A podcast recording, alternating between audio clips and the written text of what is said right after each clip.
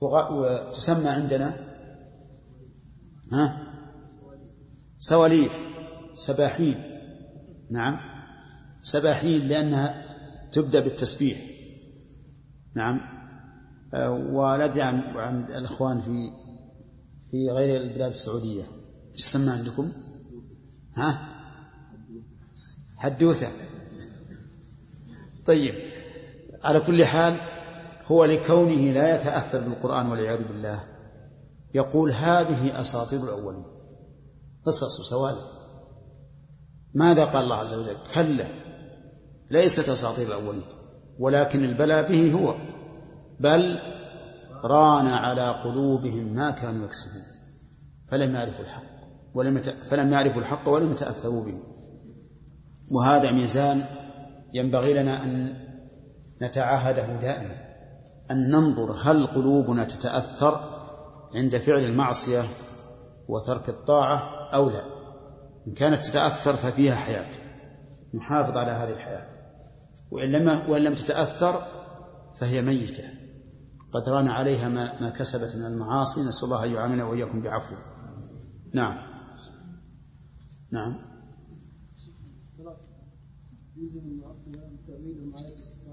نعم.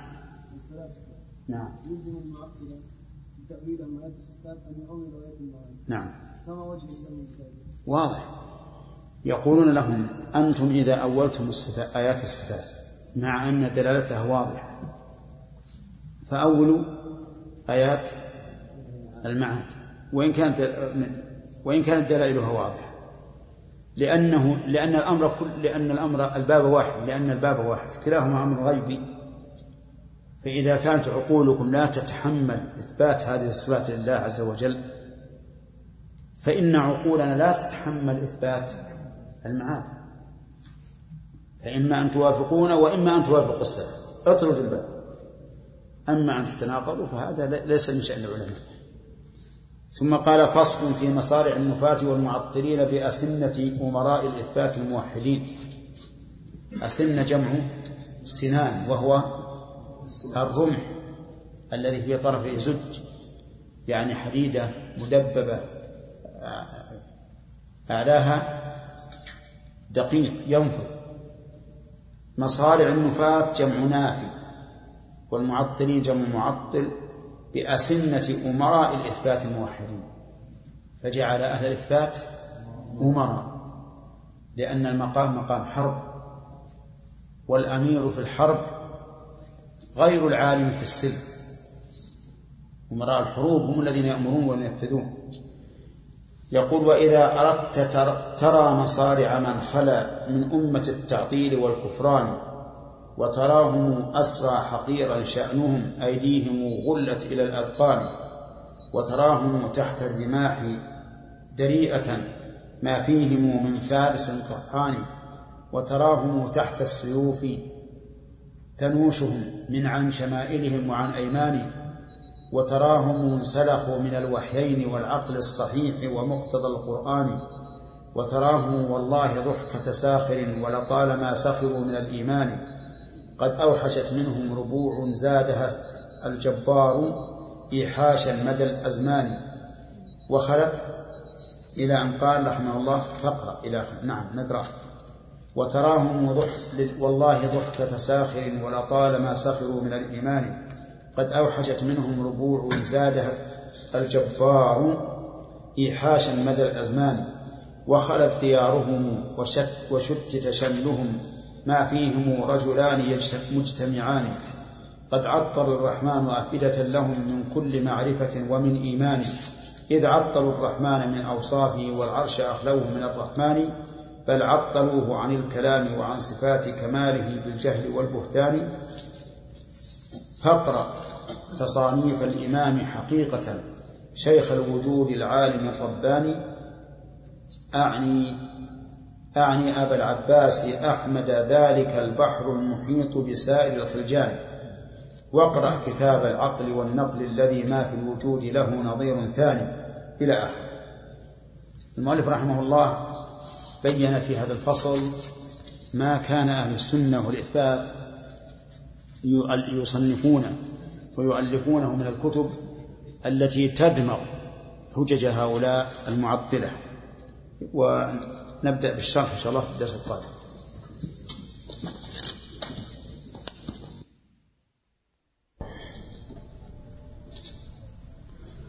بسم الله الرحمن الرحيم. قال المؤلف رحمه الله فصل في مصارع النفاة والمعطلين بأسنة أمراء الإثبات الموحدين. قال وإذا أردت ترى إذا أردت ترى تقدير إذا أردت أن ترى. وهذه هذا التركيب جائز في اللغة العربية ومنه قوله تعالى ومن آياته يريكم البر أي أن يريكم أن يريكم البر. وهنا إذا أردت ترى أي أن ترى. مصارع من خلا من أمة التعطيل والكفران وتراهم أسرا حقيرا شأنهم أيديهم غلت إلى الأذقان. أسرى جمع أسير. حقيرا شأنهم يعني ليس ليسوا مكرمين ولا معظمين. وتراهم تحت الرماح دريئة ما فيهم من فارس طعان. أي تراهم تحت رماح جنود الله عز وجل. دريئة فعيلة بمعنى مفعولة من الدرء وهو الدفع أي مدفوعين. لا يستطيعون المقاومة ما فيهم من فارس طعان وأردت وتراهم تحت السيوف تنوشهم من عن شمائلهم. وعن أيمانهم أي تأتيهم السيوف من كل جانب تمزقهم وتراهم انسلخوا من الوحيين والعقل الصحيح ومقتضى القرآن. الصريح؟ هذا الصواب. وتراهم انسلخوا من الوحيين والعقل الصريح.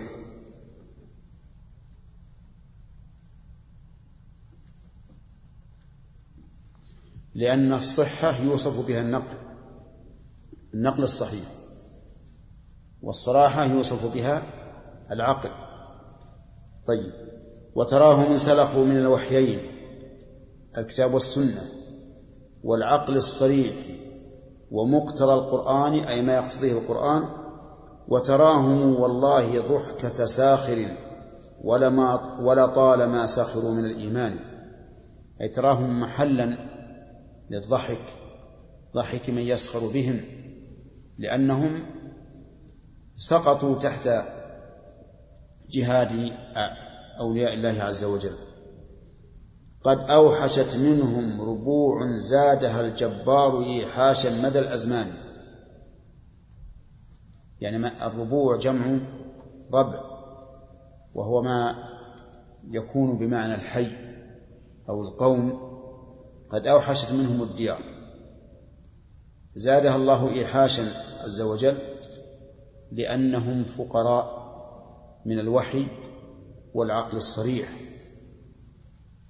وخلت ديارهم وشتت شملهم ما فيهم رجلان يجتمعان؟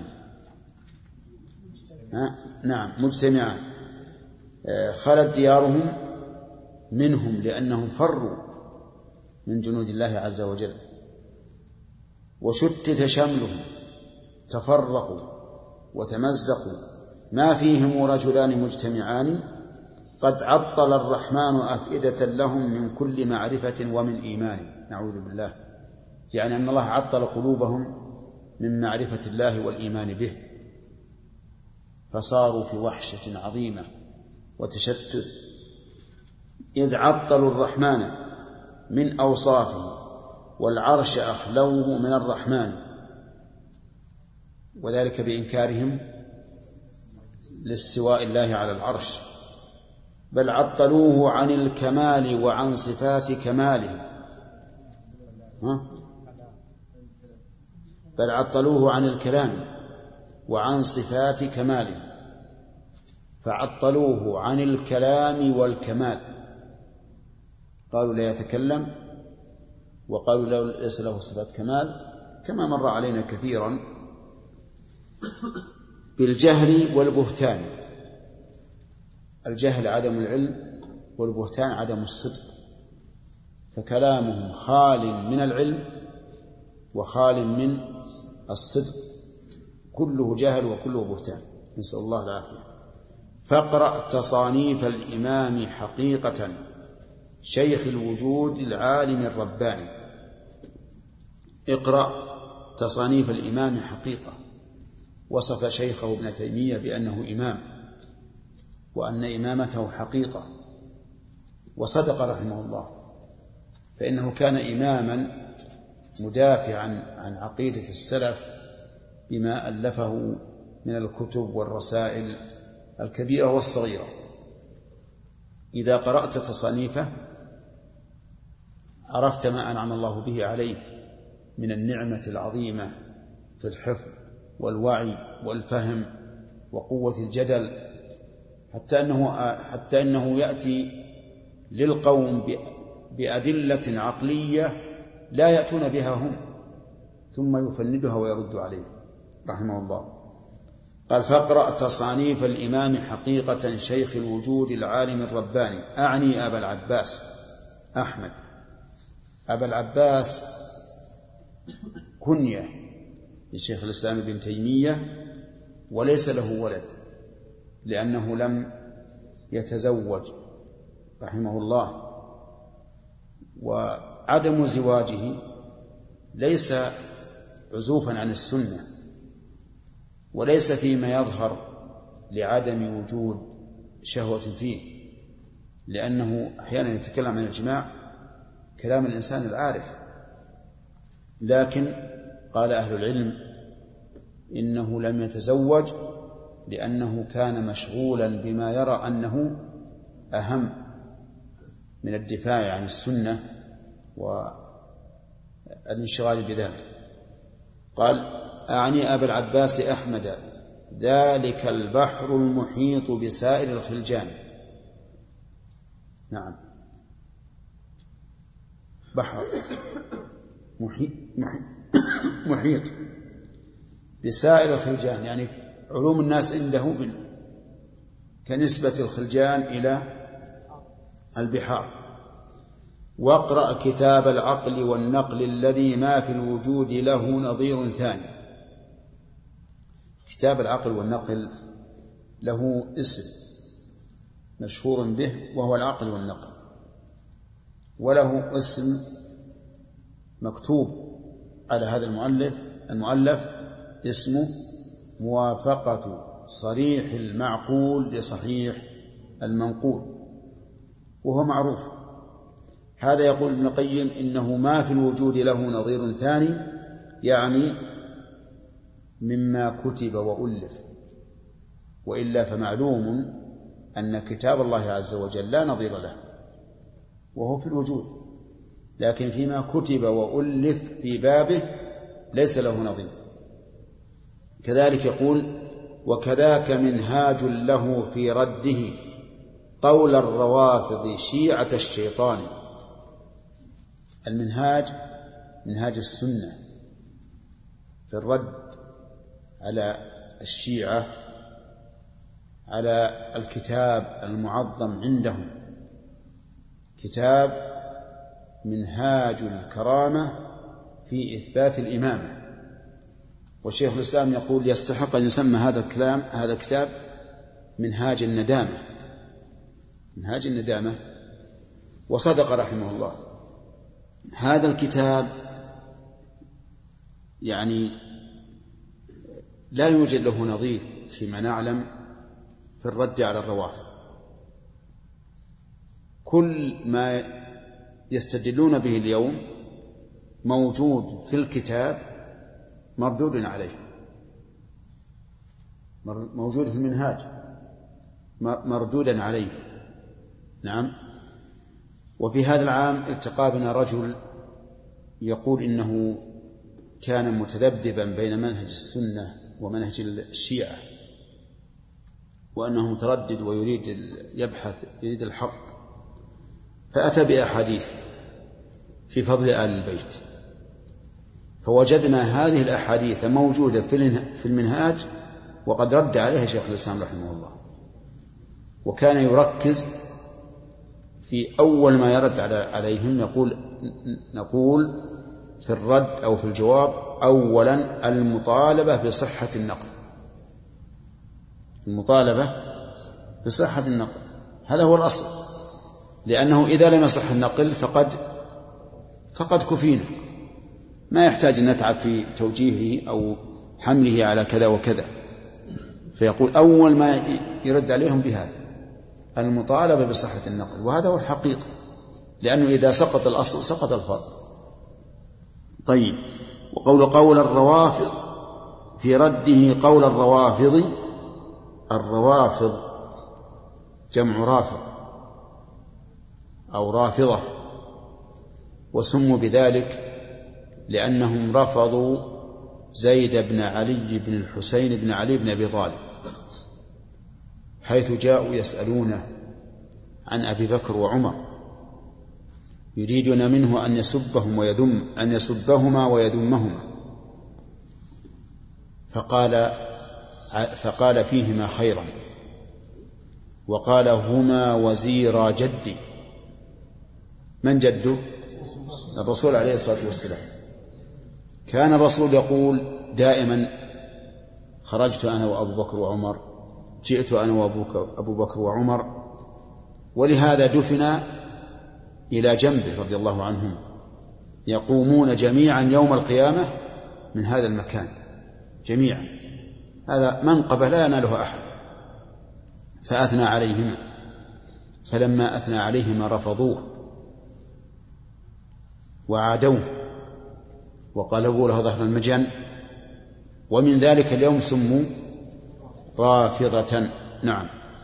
وقول الشيعة الشيطان يعني أنهم ليسوا شيعة لآل البيت لأن آل البيت رضي الله عنهم لا يمكن أن يقروا ما صنع هؤلاء الشيعة فيهم من الغلو ودعوى الإلهية وتفضيل بعضهم حتى على رسول الله صلى الله عليه وسلم.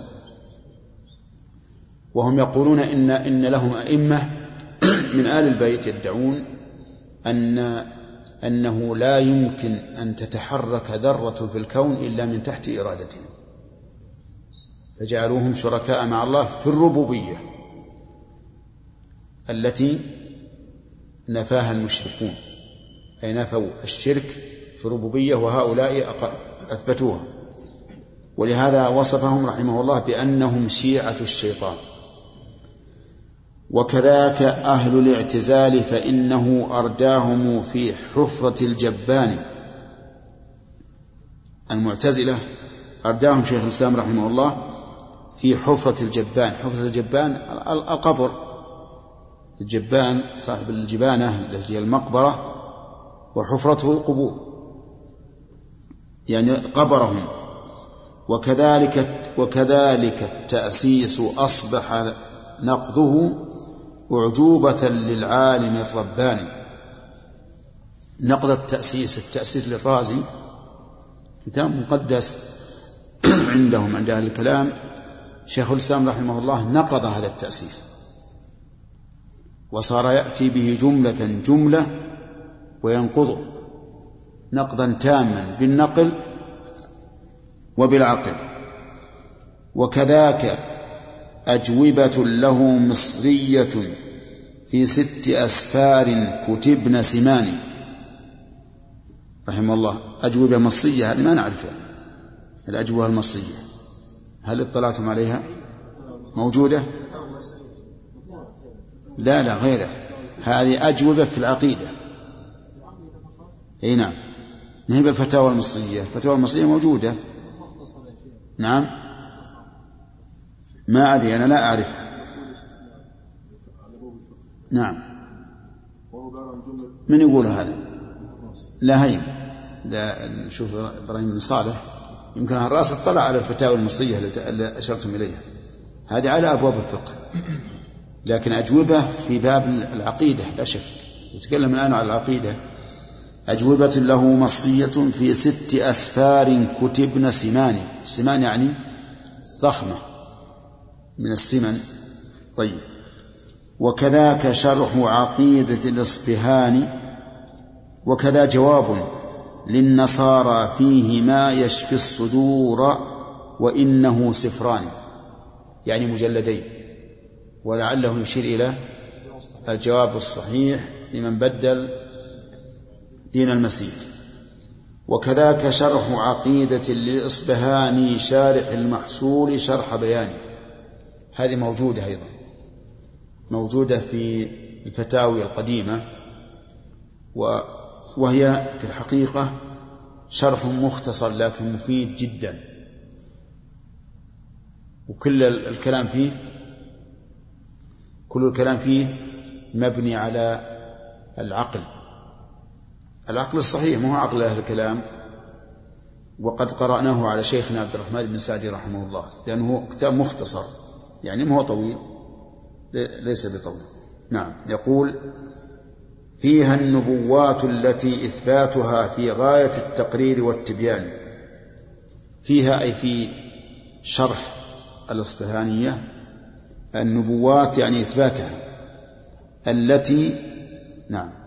إثباتها في غاية التقرير والتبيان.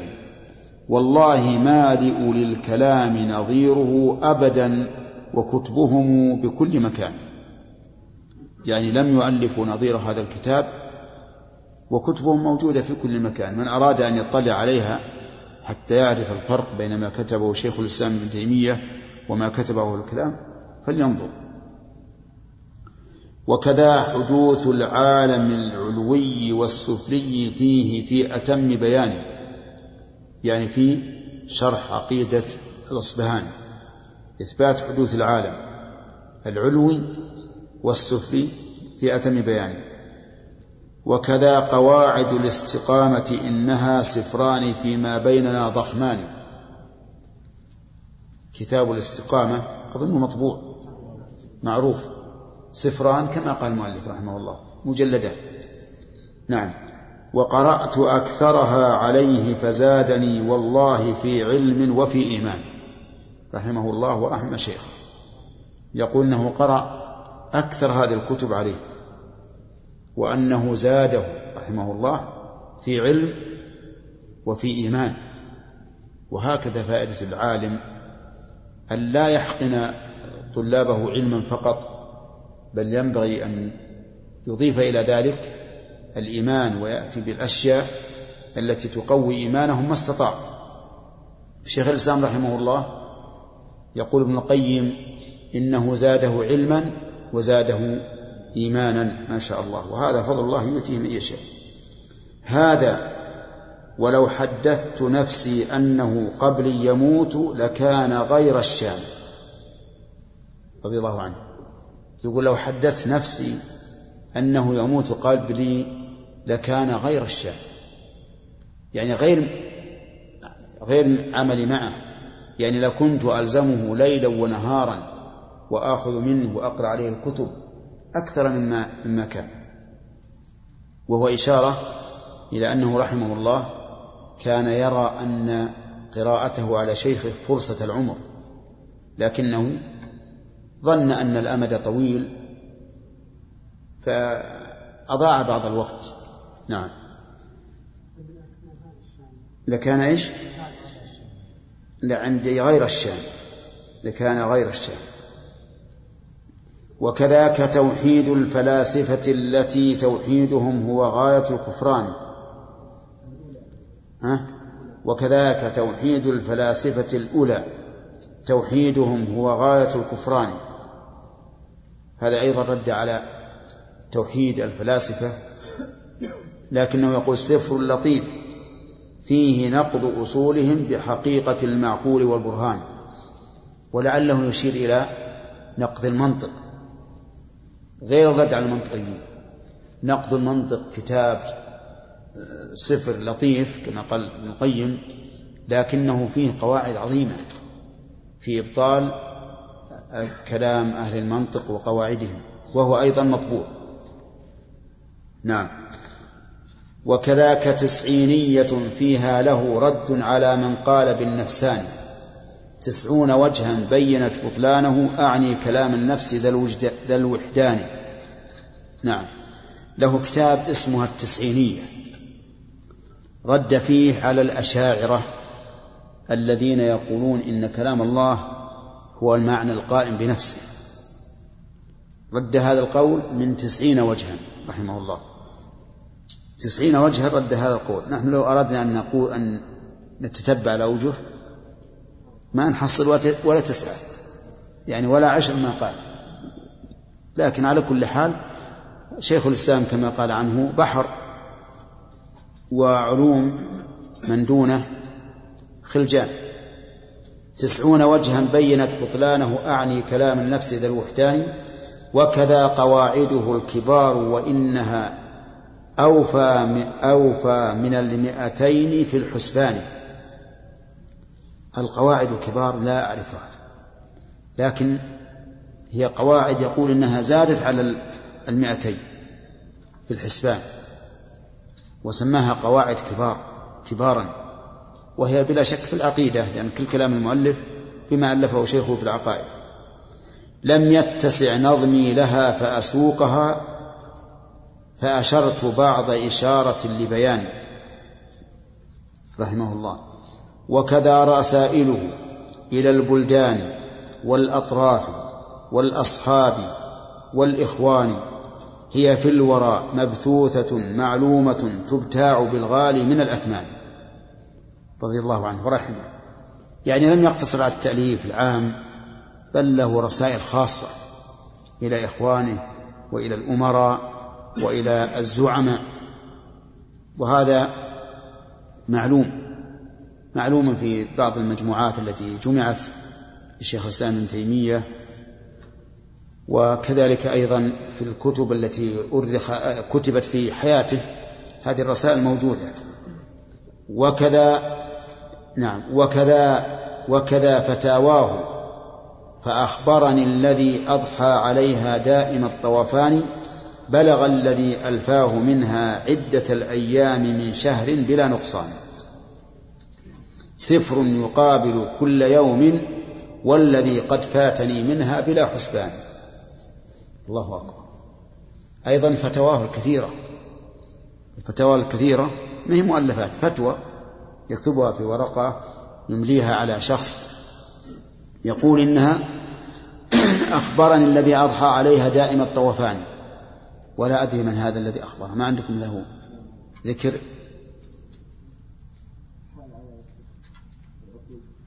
ها؟ أي. نعم. كيف؟ كيف؟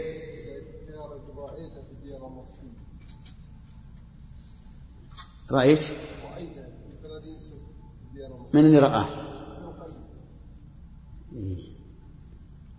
على كل حال يمكن أخبر أول ثم رآها ثانية. ما يمنع. قال بلغ الذي ألفاه منها عدة الأيام من شهر بلا نقصان صفر يقابل كل يوم. كم تكون؟ ثلاثين مجلدا. والذي قد فاتني منها بلا حسبان.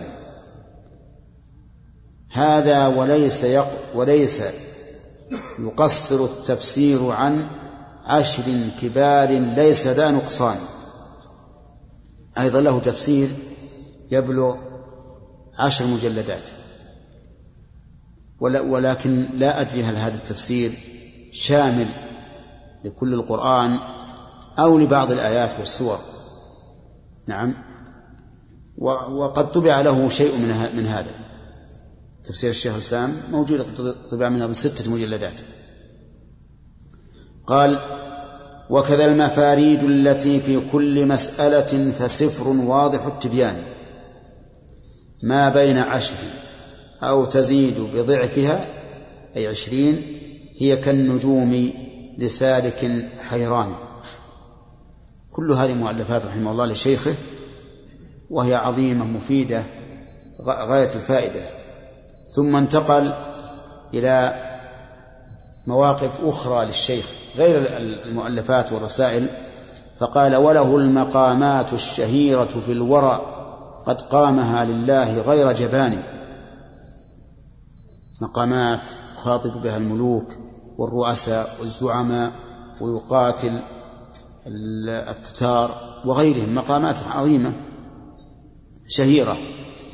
نصر الإله ودينه وكتابه ورسوله بالسيف والبرهان. بالسيف في قتال الكفار والبرهان في مجادلة المنافقين والمؤلفات التي ألفها. أبدى فضائحهم وبين جهلهم وأرى تناقضهم بكل زمان. وأصارهم والله تحت نعال أهل الحق بعد ملابس التيجان. وهذا من هذا الفخر. كانوا بالأول ملوكا يلبسون التيجان. فلما جاء شيخ الإسلام رحمه الله وبين ما هم عليه من الباطل صاروا تحت نعال أهل الحق. وهذه من نعمة الله سبحانه وتعالى على المسلمين عموما. وإلا لتطاول هؤلاء الأشرار على دين الله وعلى عباد الله. قال وأصارهم. وأصارهم تحت الحضيض وطالما كانوا هم الأعلام للبلدان. الأعلام جمع علم وهي الجبال الشامخة. فبدل ما كانوا هكذا صاروا إيش؟ تحت الحضيض. بعد العلو نزلوا إلى السفل ومن العجائب أنه بسلاحهم أرداهم تحت الحضيض الداني. صحيح هذا من العجائب. أخذ سلاحهم من أيديهم وجعل يقاتلهم به لأن كل الأشياء التي يعللون بها صارت حجة عليهم. حتى أنه قال في أول كتاب العقل والنقل أنا مستعد وملتزم أنه ما من شخص يستدل بآية أو حديث صحيح على باطله إلا جعلتها دليلا عليه.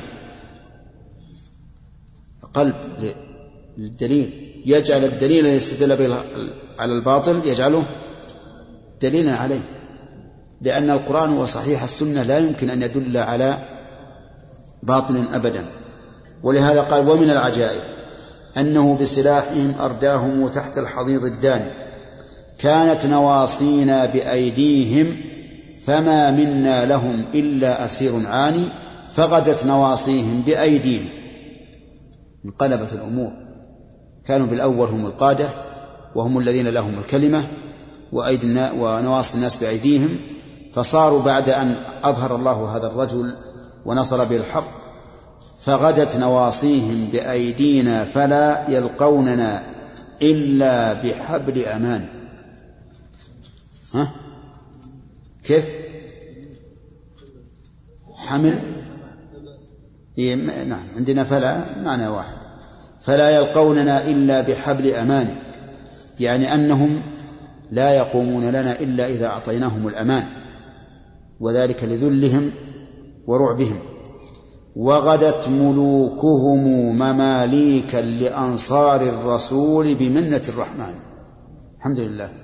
ملوكهم صاروا مماليك انقلاب. الملك صار مملوكا.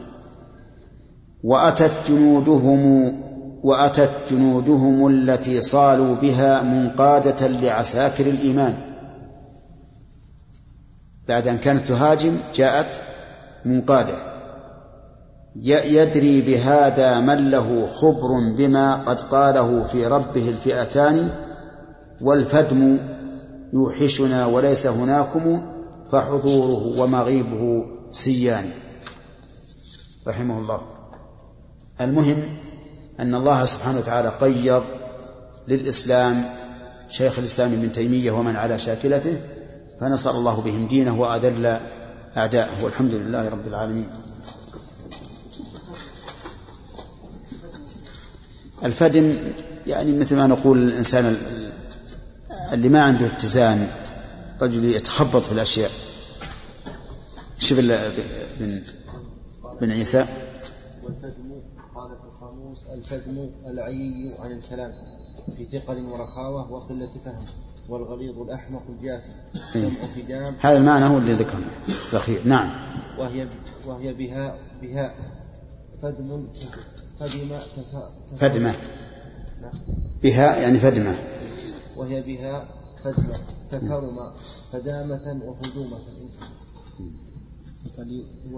إذا له معنى يعني العين اللي ما يستطيع أن يعبر والثاني الغليظ الجافي ما يسمى عندنا بالعفرمة نعم يوحشني يعني يا شيخ ها؟ ما يوحشني يعني الوحشة هذه كيف؟ الظاهر معناه إن إن إن, إن هذا الفتى من غلظته يوحش ولكنه ليس له يد.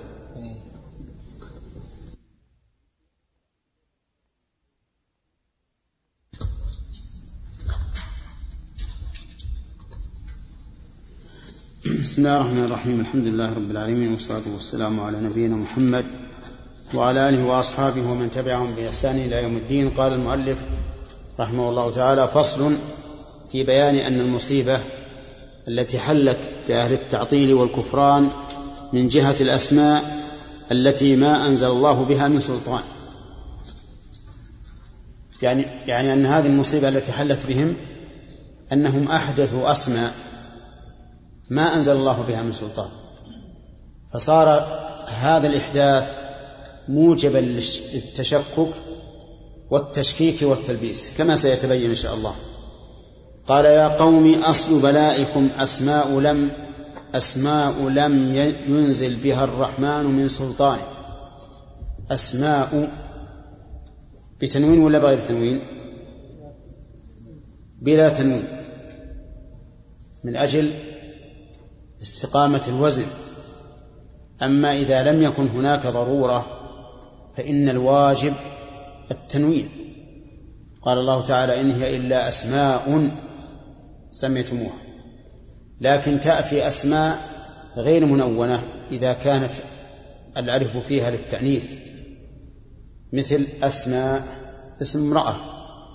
ولهذا يغلط بعض الناس فيقول إن لهؤلاء أسماء حسنة.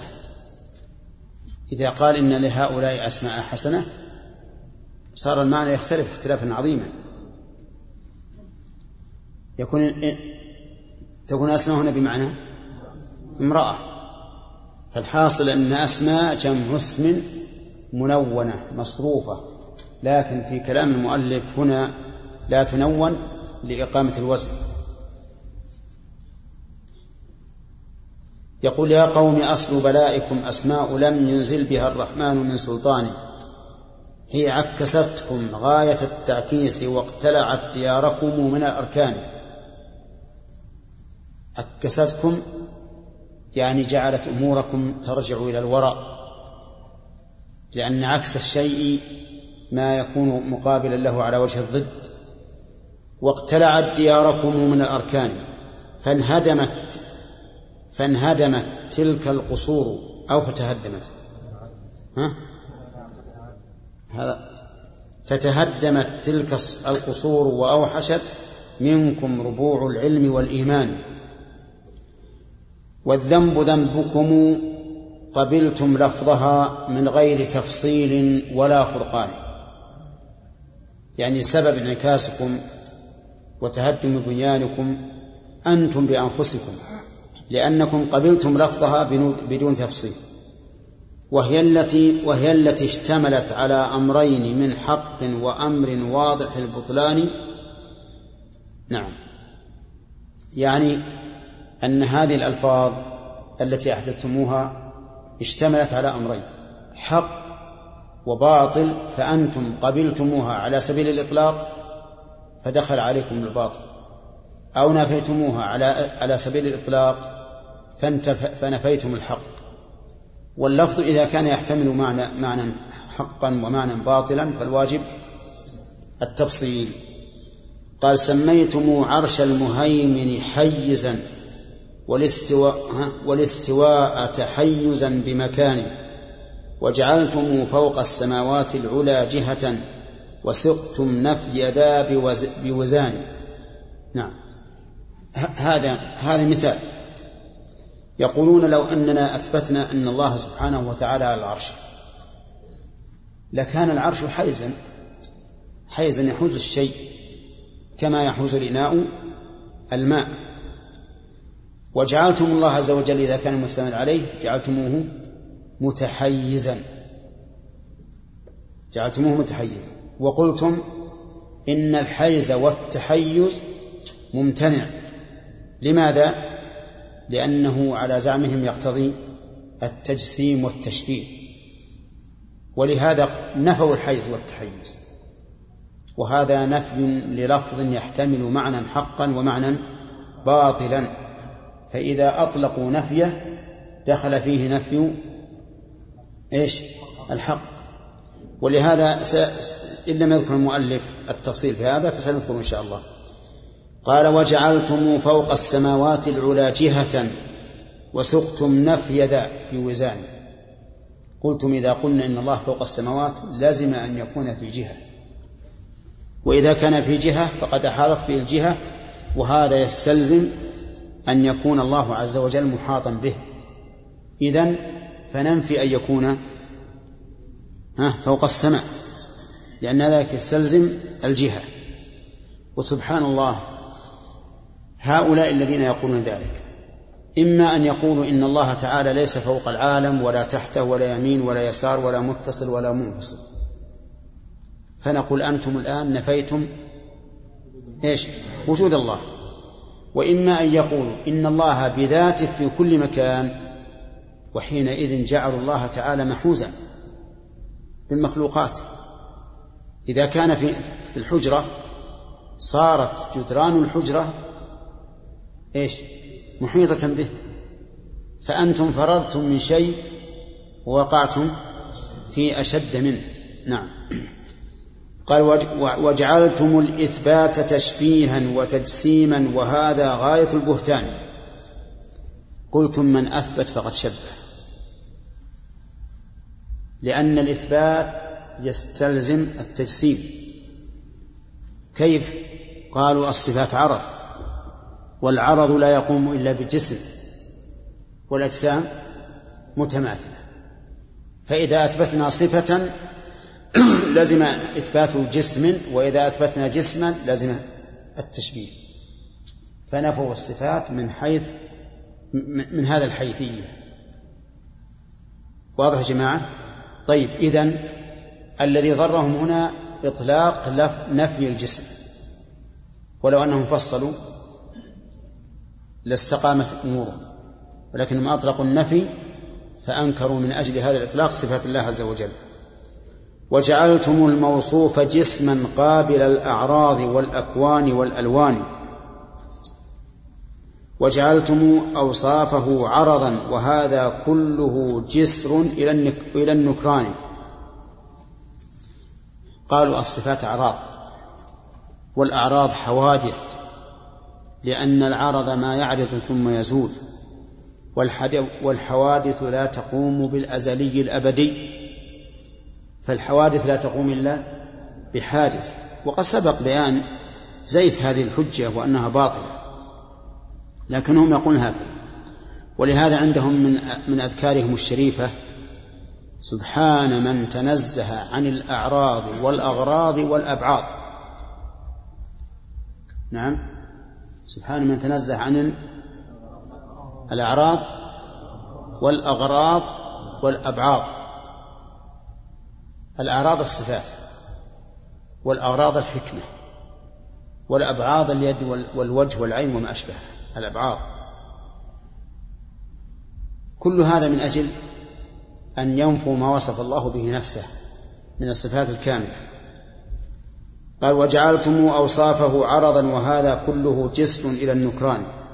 وكذاك سميتم حلول حوادث أفعاء وكذاك سميتم حلول حوادث إيش عندكم؟ أفعاله تلقيب ذي عدوان. يعني جعلتم أفعال الله حلول حوادث بالله. وقلتم لا تحل الحوادث إلا بحادث تمنع الأفعال. نعم. إذ تنفر الأسماع من ذا اللفظ نفرتها من التشبيه والنقصان فكسوتم أفعال لفظ لفظ فكسم فكسوتم أفعاله لفظ الحوادث ثم قلتم قول ذي بطلان. ليست تقوم به الحوادث والمراد النفي للأفعال للديان. واضح يا جماعة؟ إذن نفوا أفعال الله بحجة أن الأفعال حادثة والحادث لا يقوم إلا بحادث والله عز وجل أزلي أبدي ليس بحادث ولا يفنى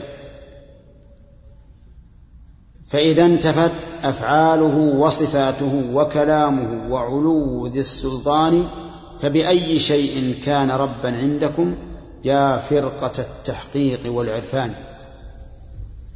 نفوا الحوادث بأي شيء؟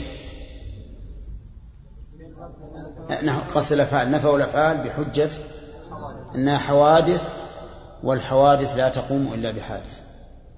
نفوا الصفات بحجة أنها أعراض.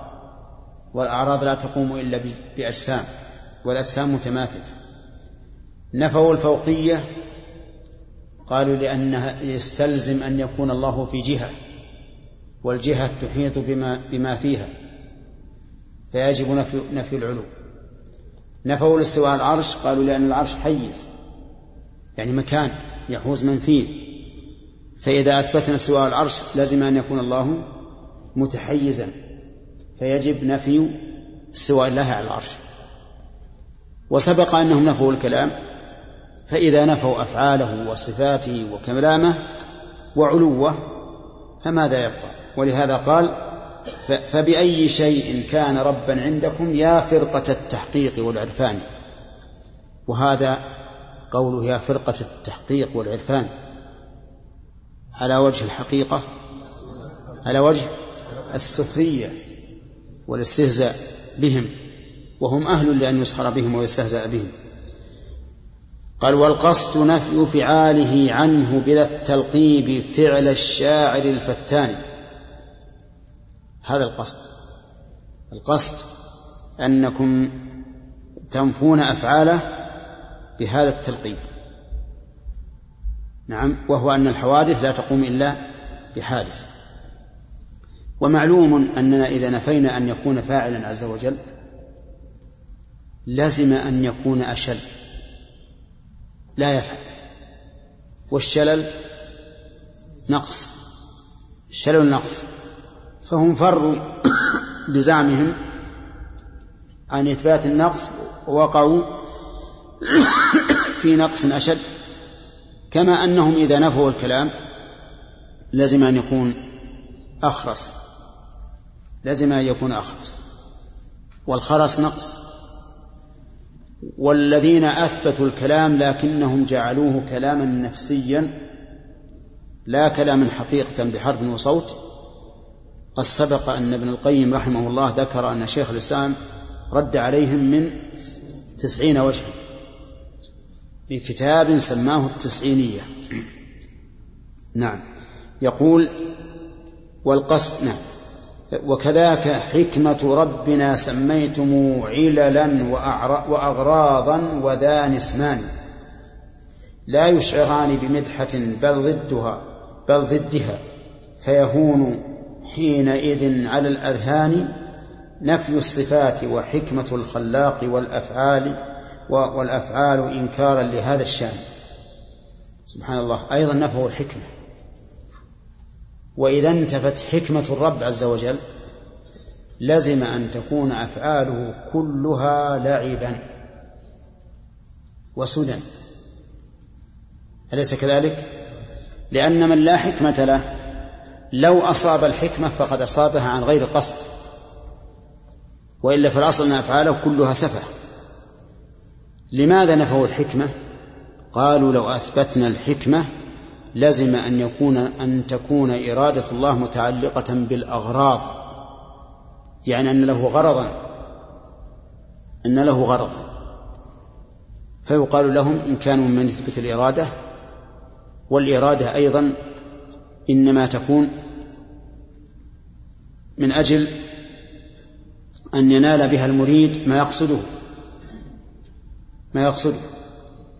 الحكمة التي لا يكون فعل من أفعال الله تعالى إلا مقرونا بها ليست غرضا يعود نفعه إلى الله بل هي حكمة يعود نفعها إلى من؟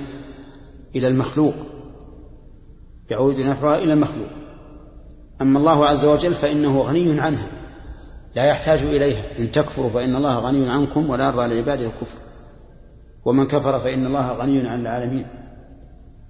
لكن الحكمة التي تقتضيها أفعال الله عز وجل أو التي تقتضي أفعال الله هي حكمة تتعلق بمصالح المخلوق ودفع الضرر عنه وليست غرضا ينتفع به الفاعل وهو الله عز وجل. نعم. آه، سميتم الحكمة علة وغرض. لماذا؟ من أجل تنفير الناس عن إثبات الحكمة. وسبحان الله أن يسموا الحكمة اللذيذة على السمع السلسة على اللسان. يسموها يسمونها علة ويسمونها غرضا من أجل أن ينفروا الناس عن قبولها. نسأل الله العافية. فهم جنوا على أنفسهم وجنوا على غيرهم. قال لا يشعران الضمير يعود على ما, ما؟ على العلل والأغراض. لا يشعران بمدحة بل ضدها أي بل بضدها فيهون حينئذ على الأذهان نفي الصفات. وحكمة الخلاق والأفعال يعني ونفع الأفعال إنكارا لهذا الشان أي لهذا اللفظ الذي أحدثوه ينفرون الناس عن إثبات هذا المعنى لله عز وجل. وكذا استواء الرب فوق العرش قلتم إنه التركيب ذو بطلان. استواء الله العرش. قالوا إنه من التركيب. تركيب جوار ولا إيش؟ تركيب جوار على زعمهم كما سبق في أقسام التركيب. وليس تركيب اختلاط. ونحن نقول أين أين التركيب؟ الرب عز وجل مستغن عن العرش وعن غيره والعرش قائم بالله لولا الله ما قام العرش. فأين التركيب الذي يفتقر فيه الجار إلى جاره؟ الله عز وجل غني عن العرش وعن غيره لكن هم يقولون هذه أيضا من العلل التي نفوا بها الاستواء أنه يلزم منه التركيب. وهذا لا شك أنه معنى باطل لأن التركيب هنا غير وارد إطلاقا. قال وكذاك وجه الرب جل جلاله وكذا وكذاك لفظ يد ولفظ يدان سميتم ذا كله الأعضاء بل سميتموه جوارح الإنسان. قالوا إذا قلنا إن لله وجها وإن له يدا أو يدان لزم أن نثبت له إيش؟ أبعاضا وأعضاء. والله منزه عن ذلك. أو يسمونه جوارح فيقول اليد جارحة كجارحة الإنسان واليد جارحة الإنسان أي كاسبة كما قال تعالى وما علمتم من الجوارح مكلبين أي من الكواسب. فجعلتم الرب عز وجل جعلتم يد الله كيد المخلوق ولو أنهم سلموا من التشبيه لعلموا أن لله يدا ليست كأيدي المخلوق. طيب إذا قالوا إن هذا إن اليد عضو أو إن اليد بعض الكل وما أشبه ذلك فماذا نقول؟ نقول نحن نثبت لله ما أثبته الله لنفسه من اليد ولا نقول إنها بعض الله ولا عضو الله. وإن كان نظير مسماها بالنسبة إلينا بعض وعضو لكن بالنسبة لله لا نقول بعض ولا نقول عضو بل نقول يد الله وهي حق على حقيقتها. ونحن إذا لزمنا الأدب مع الله ومع رسوله صلى الله عليه وسلم وأثبتنا ما أثبته الله بدون أن نزيد سلمنا من هذه التقديرات. وسطوتم بالنفي حينئذ عليه كنفينا للعيب مع نقصان يعني معناه أنكم نفيتم نفيا قاطعا. لهذه الصفات. كما ننفي العيب والنقصان. قلتم ننزهه عن الأعراض والأغراض والأبغاض والأبعاض والجثمان. وعن الحوادث أن تحل بذاته سبحانه من طارق الحدثان شوف جاب المؤلف زيادة اثنين. ننزهه عن الأعراض. والأغراض والأبعاض والجثمان يعني الجسم وعن الحوادث أن تحل بذاته. يريدون بذلك نفي الأفعال. سبحانه يعني تنزيها له من طارق الحدثان. يعني سبحانه أن يطرقه أن يطرقه شيء حادث. وكل هذا والعياذ بالله يقصد به نفي ما جاء في الكتاب والسنة من صفات الله ولهذا قال والقصد نفي صفاته وفعاله والاستواء وحكمة الرحمن. ثم قال قولا ينبغي لنا أن نفهمه جيدا. فقال والناس أكثرهم بسجن بسجن اللفظ محبوسون خوف معرة السلطان معرة السجان. كيف؟ والناس أكثرهم بسجن اللفظ محبوسون. في نسخة. خوف معرة السجان.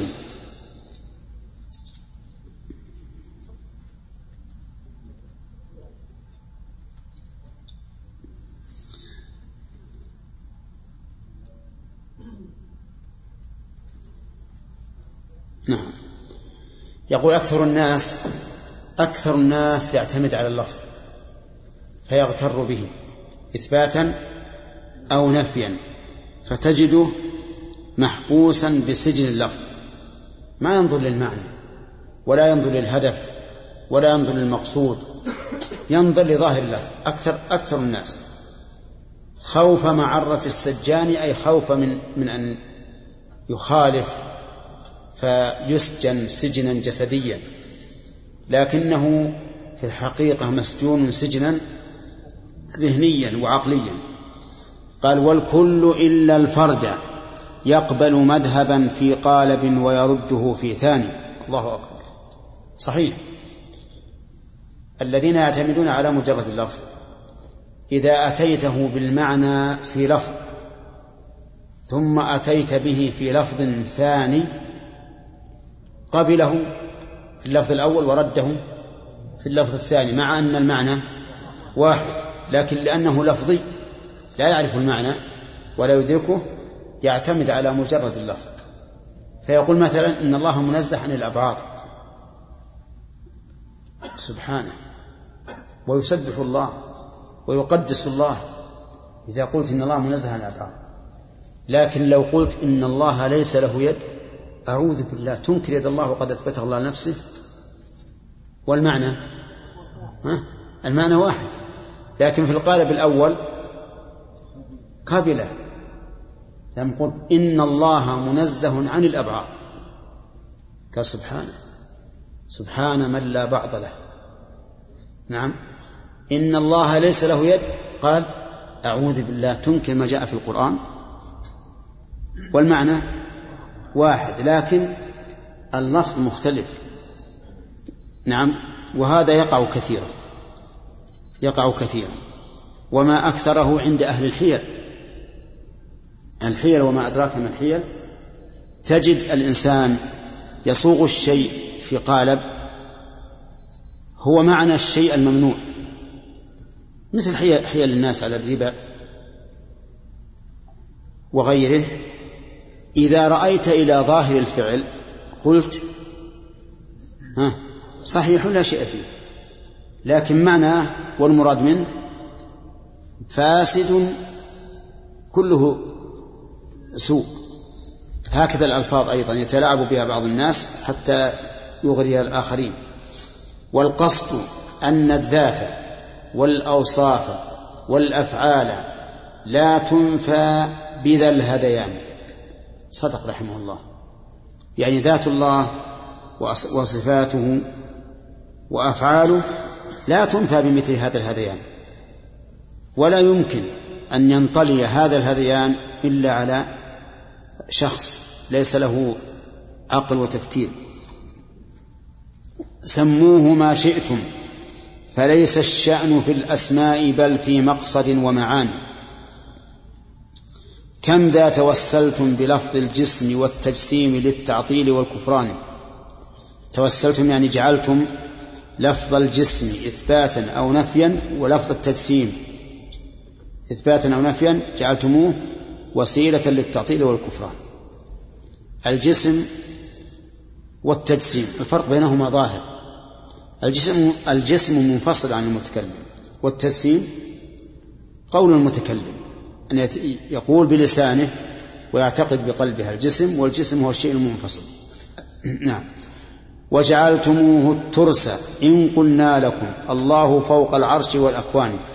جعلتموه يعني الجسم والتجسيم الترس يعني الوقاية التي يتوقى بها الإنسان عند القتال.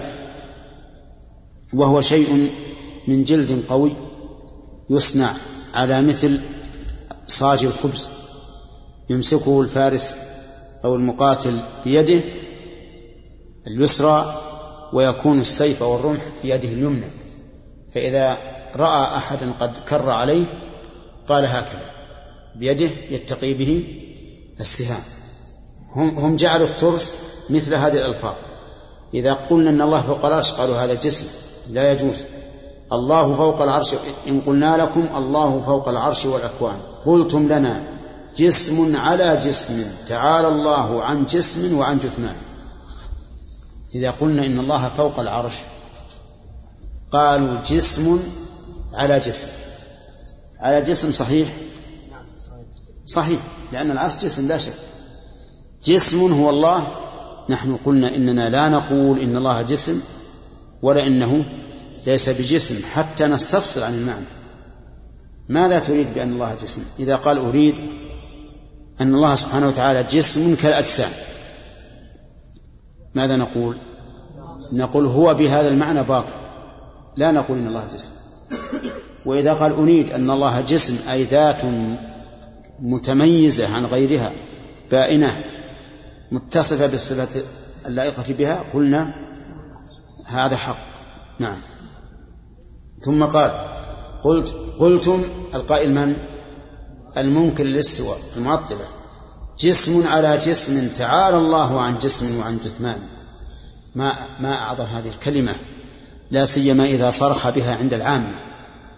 رجل من أهل السنة جاء يقرر يقول إن الله استوى على العرش استواء يليق بجلاله وعنده رجل معطل. قال أعوذ بالله. تقول جسم على تقول إن الله مستوى العرش؟ قال نعم. أعوذ بالله. جسم على جسم. تعالى الله. يرفع صوته جدا. ماذا يقول العامة؟ العامة يصيحون مثل ما صاح ويضربون بأيديهم على رؤوسهم. كيف يقول إن الله جسم على جسم؟ نعم. مع أن جسم على جسم يقابلها في المعنى الصحيح استوى على العرش. نعم. لكن هو قال جسم على جسم من أجل التنفيذ من أجل تنفيذ العامة أما لو قال إن الله استوى على العرش لقال العامة كلهم صدقت. نعم. جسم على جسم نعم. تعالى الله عن جسم وعن جثمان وكذاك إن قلنا القرآن كلامه منه بدا لم يبدو من إنسان كلا ولا ملك ملك ولا لوح ولكن قاله الرحمن قول بيان. قلتم لنا إن الكلام قيامه بالجسم أيضا وهو ذو حدثان. عرض يقوم بغير جسم لم يكن هذا بمعقول لدى الأذهان لذي الأذهان. نعم.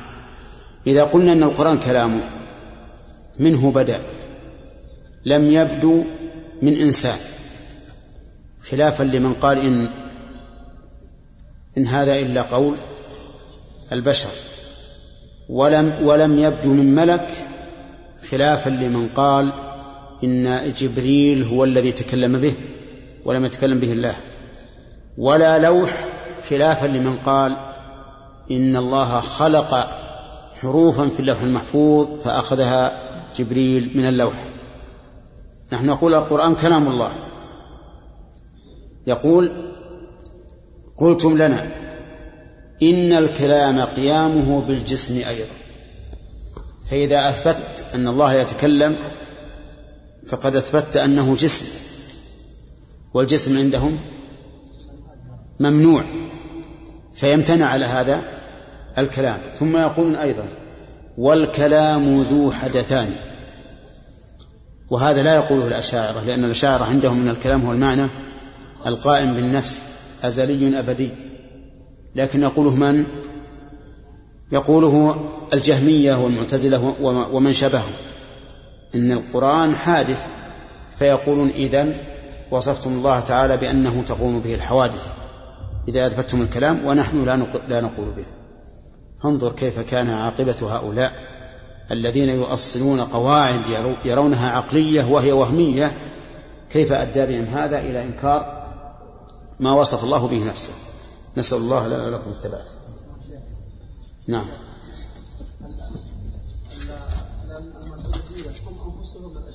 من؟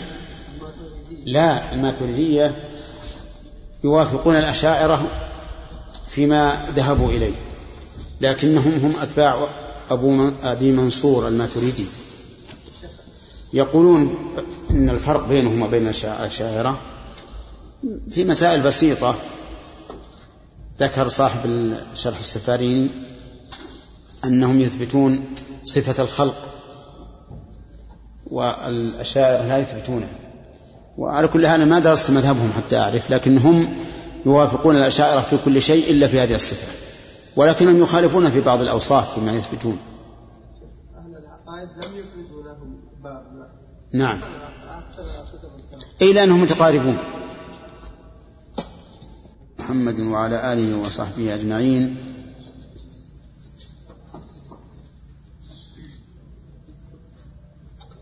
وقفنا على سموه ما شئتم. ها؟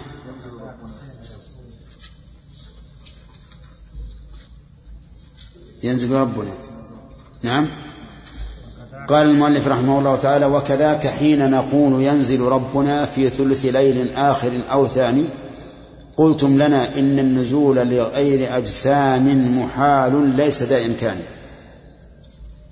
أهل السنة والجماعة يقولون إن الله ينزل نفسه إلى السماء الدنيا في ثلث الليل الآخر أو ثلث الليل الأوسط. ولهذا قال ثلث الليل آخر أو ثاني. نعم قلتم لنا في ثلث في ثلث ليل آخر يعني الثلث الأخير. أو ثاني يعني الثلث الأوسط لأنه في بعض الأحاديث أنه ينزل حين يبقى نصف الليل. قلتم لنا إن النزول لغير أجسام محال ليس ذا إمكان.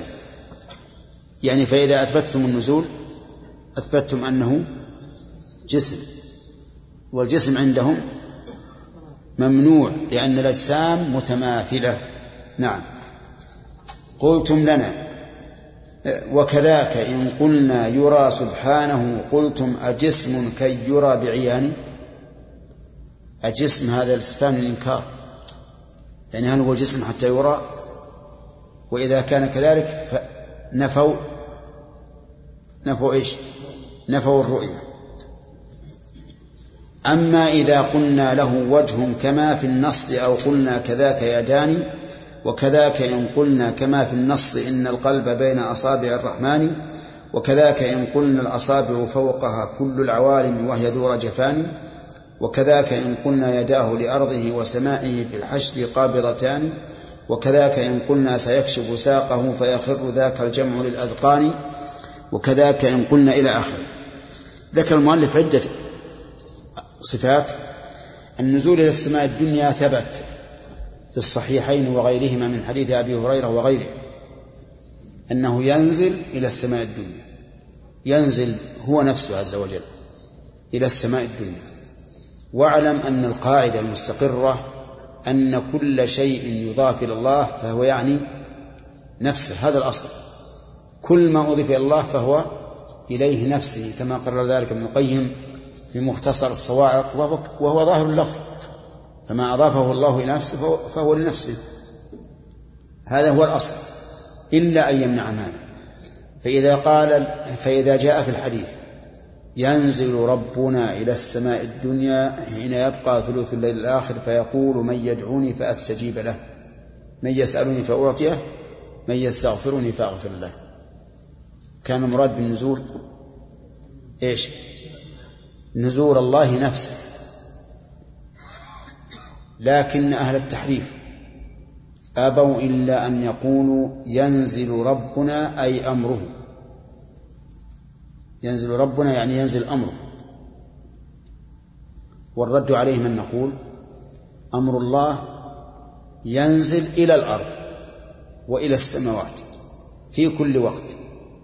قال الله تعالى يدبر الأمر من السماء إلى الأرض ثم يعرج إليه. قالوا إن الذي ينزل رحمته. قلنا هذا كالأول. الرحمة تنزل كل وقت. ولا تنتهي بالسماء. تنتهي بالأرض.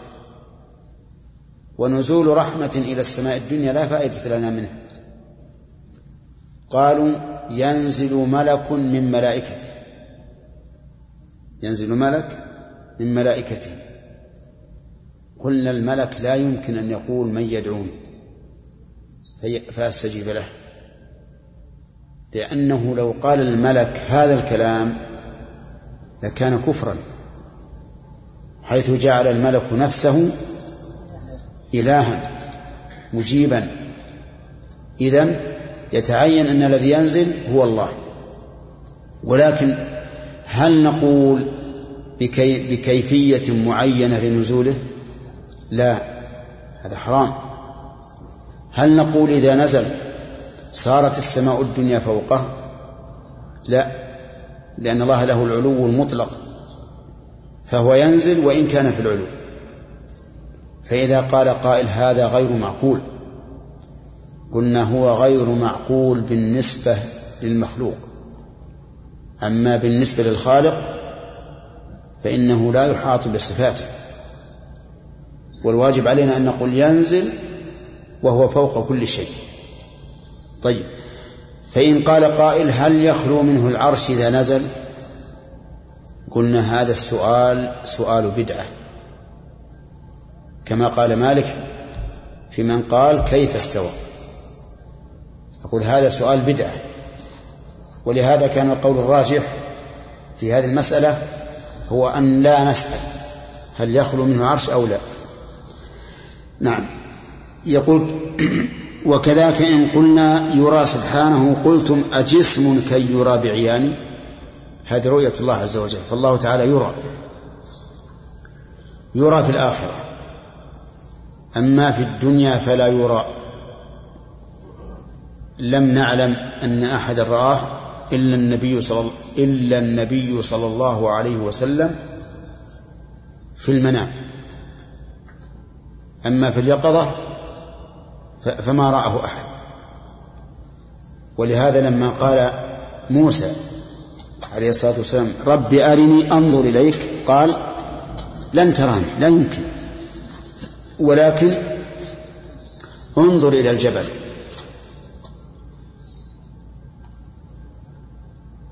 فإن استقر مكانه فسوف تراني. فلما تجلى ربه للجبل جعله دكا فإذا كان الجبل وهو الأصم الحجري لم يستقم لرؤية الله فما بالك بالبشر؟ ولهذا خر موسى صعقا من هول ما رأى. فلما أفاق قال سبحانك تبت إليك وأنا أول المؤمنين. أما في الآخرة فيرى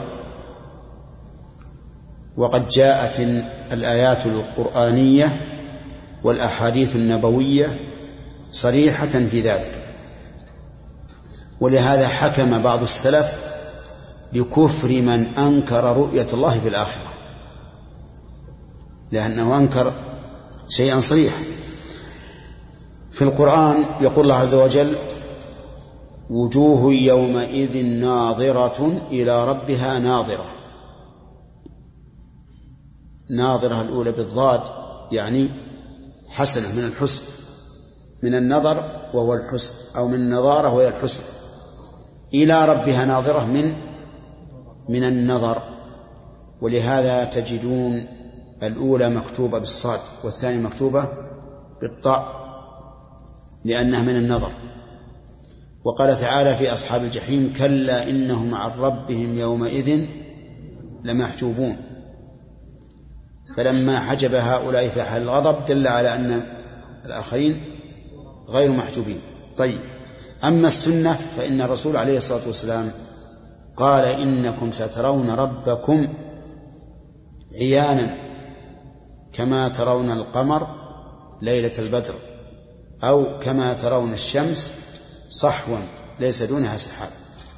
وهذا لا يمكن أن يراد به المجاز. لأنه صريح واضح عيانا بالعين كما ترون القمر كما ترون الشمس. طيب والتشبيه هنا ليس تشبيها للمرئي بالمرئي ولكن للرؤية بالرؤية. كما تقول مثلا رأيت الجمل كرؤيتي لهذا الباب مثلا. نعم؟ أو رأيت سيارة فلان كما أرى سيارتك. فلا يلزم من هذا التساوي المرئي يقول أما إذا قلنا له وجه كما في النص أو قلنا كذاك يدان يعني فكذلك تنكرون. ينكرون أن يكون لله وجه أن يكون لله وجه ويقولون المراد بالوجه الثواب. ويبقى وجه ربك يقولون ثواب ربك. وهذا صريح بأن الذي يبقى وجه الله عز وجل. ولهذا قال ويبقى وجه ربك ذو الجلال والإكرام. وقال تبارك اسم ربك ذي الجلال. ففرق الاسم لا يوصف بالجلال. الذي يوصف بالجلال هو الرب. الوجه يوصف بالجلال بالجلال. وإذا كان اسم الله لا يوصف بالجلال فما بالك بالثواب؟ الثواب لا يمكن أن يوصف بالجلال. و وكذا والسنة واردة في ذلك أيضا. أعوذ بنور وجهك الذي أشرقت له الظلمات وصالح عليها الدنيا والآخرة. نعم. كذلك أيضا اليدان. صريحة في القرآن. بل يداه مبسوطتان. نعم. وكذاك إن قلنا كما في النص إن القلب بين أصابع الرحمن. أيضا أنكرتم إذا قلنا إن أصابع إن القلب بين أصابع الرحمن سبحان كيف الرحمن له أصابع؟ نقول هكذا قال أعلم الخلق به رسول الله صلى الله عليه وسلم. القلب بين أصابع الرحمن. يقولون إذا كان بين أصابع الرحمن فمعنى ذا أو فمقتضى ذلك أن تكون أصابع الله في أجوافنا. أن تكون في أجوافنا. فالجواب أن هذا ليس بلازم لأن البينية لا تقتضي الملامسة أو المماسة. بدليل قوله تعالى والسحاب المسخر بين السماء والأرض. ومع ذلك فإن السحاب لا يمس الأرض ولا يمس السماء. وجعله الله بينهما. وتقول مثلا تقول بدر بين مكة والمدينة. وهل هي مماثلة للمدينة أو لمكة؟ لا. إذا بين أصابع الرحمن لا يلزم ذلك. المماسة فإذا كان لا يلزم وجب أن نؤمن به. نعم. وشو ها؟ نعم نعم طيب. قلت ما جسم كي يرى أم كان ذا جهة تعالى ربنا عن ذا فليس يراه من إنسان؟ أيضا هم قالوا إنكم إذا قلتم إن الله يرى لازم أن يكون في جهة. طيب وإذا لزم هل يمنع؟ نعم نقول إن الله في جهة في جهة العلو لكن هذه الجهة لا تحيط به. هو فوق كل شيء. هو فوق كل شيء. والفوقية المطلقة عدم. يعني معناه أنه ليس هناك شيء. محاذ محاذ لله ولا فوق الله عز وجل. طيب. وكذاك إن قلنا الأصابع فوقها كل العوالم وهي ذو رجفان. كما جاء في الحديث في يوم القيامة أن الله يجعل السماوات على أصبع والأرض على أصبع إلى آخره. نعم. وكذاك إن قلنا يداه لأرضه وسمائه في الحشر قابضتان. وما قدر الله حق قدره والأرض جميعا قبضته يوم القيامة والسماوات مطويات بيمينه. يوم نطوي السماء كطي السجل للكتب كما بدأنا أول خلق نعيد. وكذاك إن قلنا سيكشف ساقه فيخر ذاك الجمع للأذقان. من يكشف ساقه؟ هو الله عز وجل.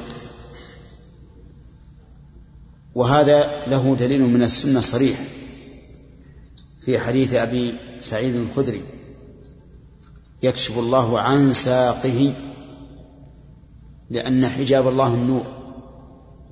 لا يرى عز وجل من الأنوار التي حوله ولكنه إذا شاء كشف هذا النور فبان ما, ما, ما يريده عز وجل. أما في القرآن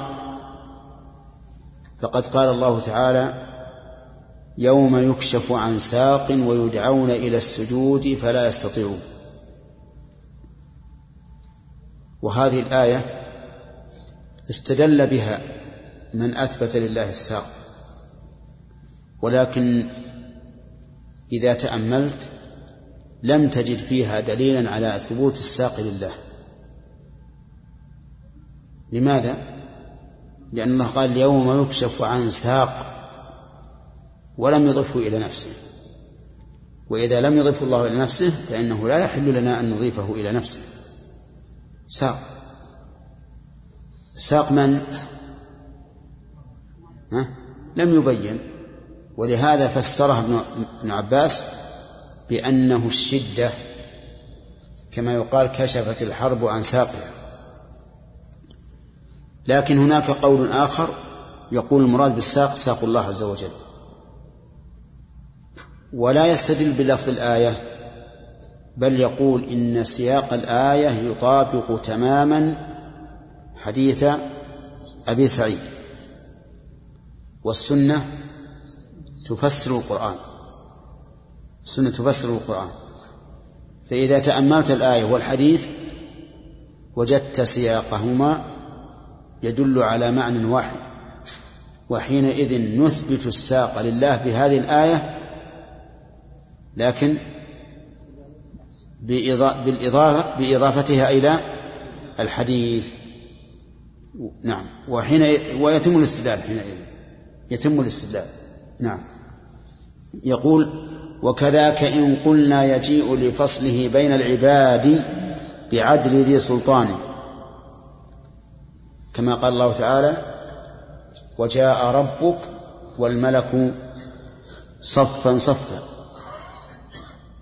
وقال تعالى ويوم تشقق السماء بالغمام.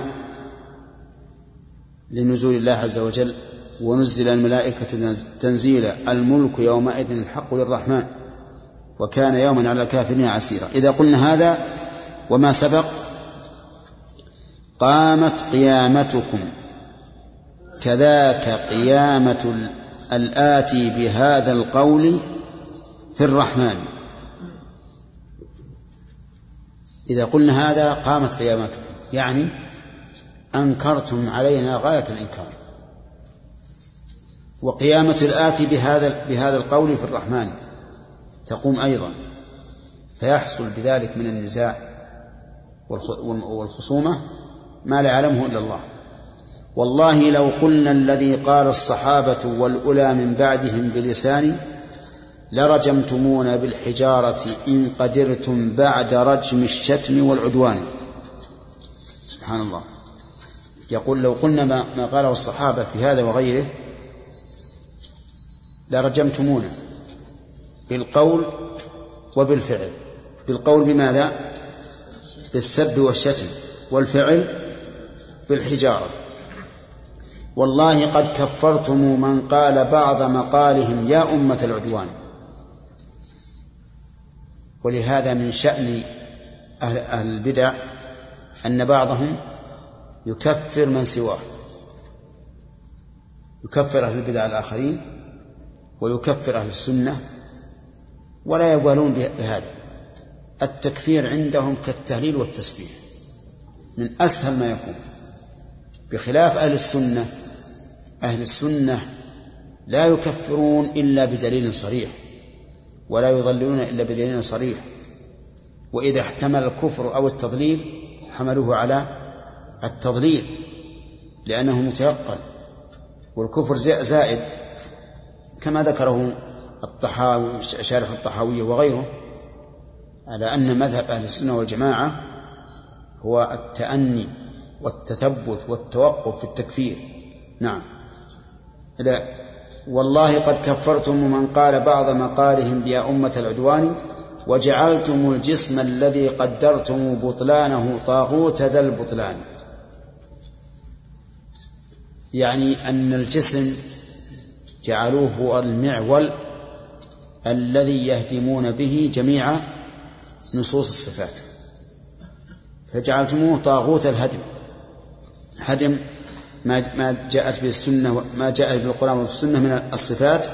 ولهذا قال ووضعتم للجسم معنى غير معروف به في وضع كل لسان وبنيتم نفي الصفات عليه فاجتمعت لكم إذ ذاك محذوران. كذب على لغة الرسول هذه واحد. ونفي إثبات العلو لفاطر الأكوان. سبحان الله. إذن ركبوا مفسدتين. المفسدة الأولى الكذب على اللغة. والثاني نفي ما جاء به القرآن والسنة. و... نعم وركبتم إذ ذاك تحريفين تحريف الحديث ومحكم القرآن.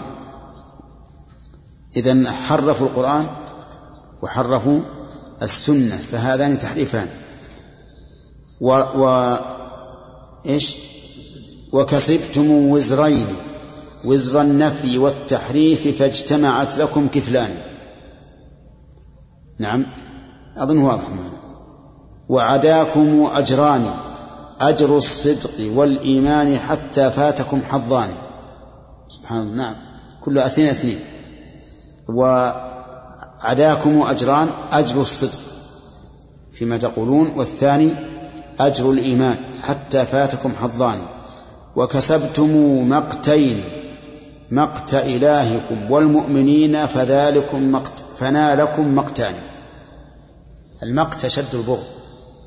فهم نالوا بتعطيلهم وتحريفهم مقتين مقت الله عز وجل والثاني مقت أهل مقت المؤمنين. ولبستم ثوبين ثوب الجهل والظلم القبيح فبئست الثوبان. الجهل لأنهم جهلوا كتاب الله وسنة رسوله صلى الله عليه وسلم والثاني جهل الظلم والعدوان لأنهم كانوا يسبون أهل السنة يقولون هم حشوية مجسمة نوابت غثاء عامة وما أشبه ذلك. وتخذتم وتخذتم طرزين طرز الكبر والتيه العظيم فبئست الطرزان. هذا أيضا ما فعلوه. الكبر وهو عدم قبول الحق والتيه الترفع على الناس الترفع على الناس. قال ومددتم نحو العلا إيش؟ باعين. ومددتم نحو العلا باعين لكن لم لم تطل منكم لها الباعان. نعم. يعني أنهم مدوا باعان أو باعين لينالوا العلا ولكن عجزوا عن نيل العلا. لماذا؟ لأنهم ما صدقوا. لو صدقوا لنالوا العلا لأن الله يقول يرفع الله الذين آمنوا منكم والذين أوتوا العلم درجات. لكنهم لم يصدقوا في هذا إنما أرادوا انتصار قولهم فقط. والله أعلم. بسم الله الرحمن الرحيم الحمد لله رب العالمين والصلاة والسلام على نبينا محمد وعلى آله وأصحابه أجمعين قال المؤلف ابن القيم رحمه الله في بيان أو في فصل بيان أن المصيبة التي حلت بفعل التعطيل بأهل التعطيل والكفران من جهة الأسماء التي ما أنزل الله بها من سلطان قال نعم. قال ومددتم نحو العلا باعين لكن لم تطل منكم لها الباعان. كذا لم تطل ولا لم تصل؟ لم تطل. نعم. وأتيتموها من سوى أبوابها لكن تسورتم من الحيطان. أتيتموها؟